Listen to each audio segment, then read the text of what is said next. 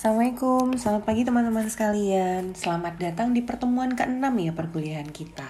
Gimana kabarnya hari ini teman-teman? Memulai hari Rabu dengan perkuliahan kualitatif ya.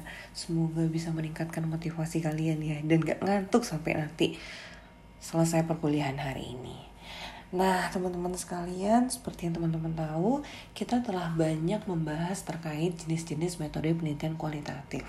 Salah satunya adalah etnografi hari ini akan kita bahas.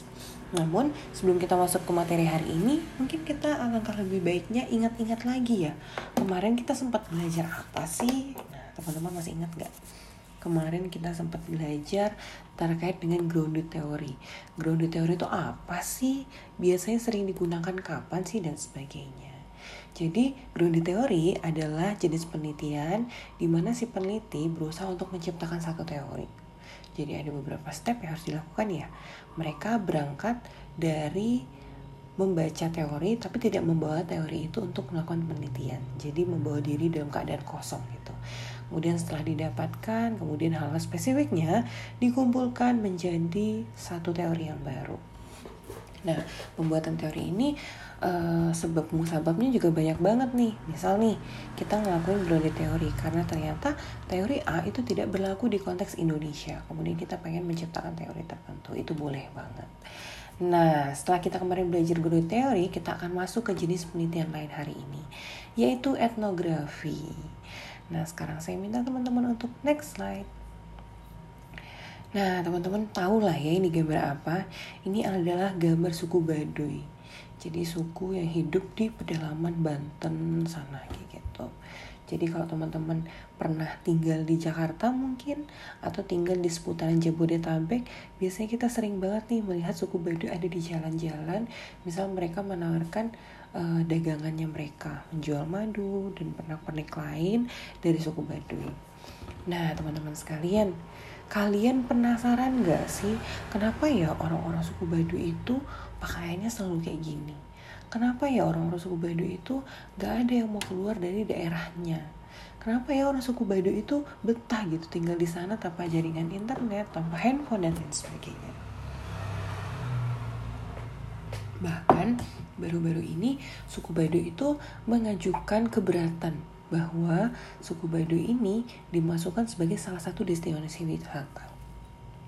Nah, rasa penasaran kalian terhadap apa yang terjadi di suku Baduy ini membuat kita melakukan penelitian di sana. Misalnya, teman-teman terjun ke lapangan untuk mengetahui kenapa sih suku Baduy ini nggak mau seperti ini, kenapa sih suku Baduy nggak mau seperti itu dan sebagainya. Nah, apa yang teman-teman lakukan itu merupakan metode yang dilakukan dalam penelitian etnografi. Oke, kita next slide. Nah, ini next slide-nya teman-teman mungkin uh, tidak asing ya. Ini adalah suku Dayak. Mungkin banyak sekali hal yang ingin teman-teman ketahui tentang suku Dayak. Gimana sih cara suku Dayak itu um, melaksanakan pernikahan? Boleh nggak sih pernikahan dilakukan antara suku Dayak dengan suku lainnya dan sebagainya? Nah, kita sebagai seorang peneliti terjun nih langsung ke lapangan untuk melakukan observasi, melakukan wawancara, kemudian nanti kita bisa dapetin data yang kita rangkai dalam bentuk cerita seperti itu. Nah itu adalah studi etnografi. Teman-teman juga boleh banget cek video yang saya kirimkan. Misalnya juga ada beberapa contoh lainnya yang bisa membantu kalian memahami sebenarnya etnografi itu apa sih Berangkat dari dasar ilmu antropologi atau kajian budaya, etnografi merupakan metode penelitian yang melihat kajian bahasa dalam perilaku sosial dan komunikasi masyarakat, serta bagaimana bahasa tersebut diterapkan berdasarkan konsep budaya yang terkait. Jadi kita terjun ke lapangan untuk mewawancarai, mengobservasi, melihat satu fenomena, kayak gitu. Kemudian dari situ nanti kita bisa menyimpulkan, oh ternyata orang suku Baduy kenapa sih tidak ingin uh, daerahnya menjadi salah satu tempat wisata karena ternyata ini dan sebagainya. Jadi banyak hal-hal yang melandasi hal tersebut yang kita tuh belum tahu. Tapi kita akan ketahui ketika kita melakukan penelitian etnografi. Etnografi. Inti dari etnografi menurut Spratly 2006 adalah upaya untuk memperhatikan makna-makna tindakan dari kejadian yang menimpa orang yang ingin kita pahami.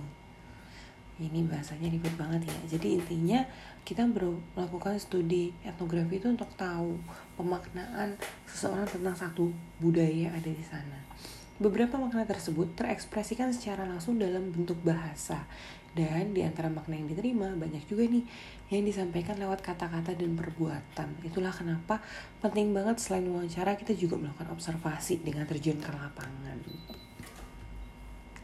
Nah, etnografi ini untuk apa sih tujuannya? Yang pertama, etnografi itu bertujuan untuk mengkaji bentuk dan fungsi bahasa yang tersedia dalam budaya serta digunakan untuk berkomunikasi, antar individu di dalamnya. Jadi, uh, apa yang mereka bicarakan tentang budaya-budayanya, bagaimana mereka membicarakan tentang kehidupan sehari-harinya, itu semuanya bisa menjadi data dalam penelitian etnografi. Tujuan lainnya adalah mengetahui bagaimana bentuk dan fungsi bahasa menjadi bagian dari kehidupan masyarakat. Oke, etnografi, next slide. Metode etnografi juga menginterpretasikan kelompok sosial, sistem yang berlaku, dan peran yang dijalankan, serta interaksi sosial yang terjadi dalam suatu masyarakat. Kenapa kayak gini? Ya karena kita terjun ke lapangan untuk datang ke satu kelompok sosial dan memahami apa sih yang sebenarnya terjadi.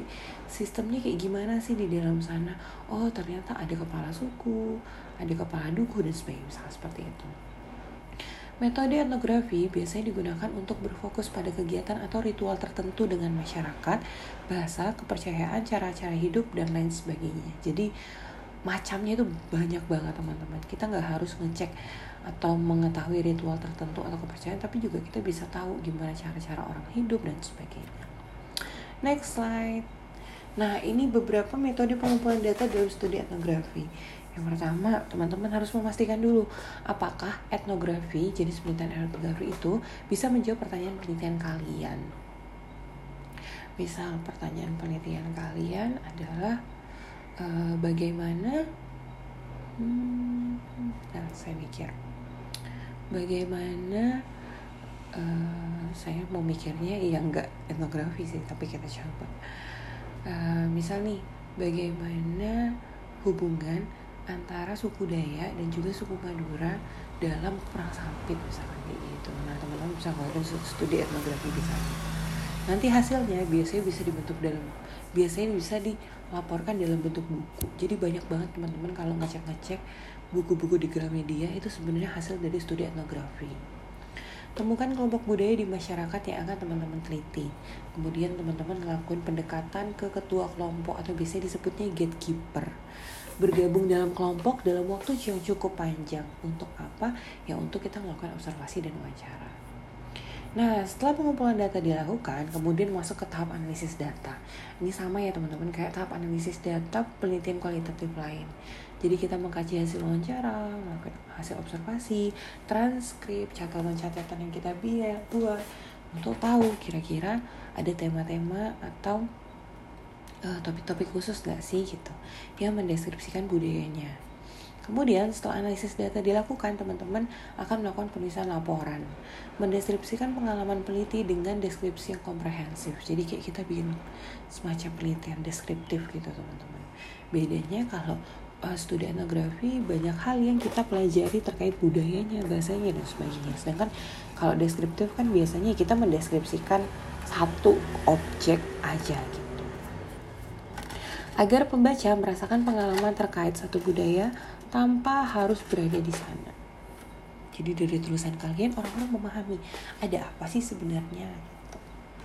Nah ini ada contoh teman-teman Studi etnografi perilaku sosial anak di Pulau Sebesi Lampung Nah penelitian ini mencoba mendeskripsikan perilaku sosial anak usia dini di Pulau Sebesi Lampung Kira-kira gimana sih mereka perilaku sosialnya Data dikumpulkan melalui operasi, observasi, wawancara, dokumentasi foto, dokumentasi tertulis, kemudian dianalisis menggunakan Spreadly. Ini adalah salah satu uh, teknik analisis data kualitatif. Hasil penelitiannya menunjukkan bahwa satu, perilaku sosial anak usia dini di Pulau Sebesi terbentuk dalam tradisi kegiatan bersama yang diikuti oleh anak usia dini. Proses pembentukan perilaku sosial didapatkan dari keterlibatan langsung anak-anak dalam mengikuti tradisi kegiatan bersama. Dan yang ketiga, keterlibatan masyarakat melalui semua partisipasi warga dan masyarakat dalam memberikan contoh langsung melalui kegiatan tradisional itu ternyata sangat berpengaruh banget terhadap perilaku sosial anak usia dini. Nah teman-teman udah kelihatan kan ya Jadi ini pertanyaan penelitiannya adalah Gimana sih perilaku sosial anak usia dini Pas kita cek ternyata hasilnya menunjukkan Bahwa ada loh yang namanya tradisi kegiatan bersama. Jadi mungkin nih mereka punya kebiasaan Ngumpul bersama untuk main bersama dan belajar misalnya kayak gitu Dan sebagainya. Jadi contohnya satu teman-teman tapi kalian bisa cek lagi yang lain. Banyak banget studi-studi etnografi yang seru banget. Nah, sekian kuliah hari ini. Terima kasih banyak teman-teman untuk untuk uh, atensinya mengikuti perkuliahan hingga akhir ini. Nanti saya akan minta teman-teman menuliskan satu hal di Google Classroom-nya. Apa yang kalian dapatkan dari perkuliahan hari ini. Gitu ya teman-teman. Kemudian minggu depan kita akan masuk ke jenis penelitian kualitatif yaitu studi kasus. Jadi nanti setelah studi kasus teman-teman akan mulai UTS. Gitu ya teman-teman. Baik. Kalau teman-teman ada yang mau ditanyakan boleh ditaruh di kolom chat.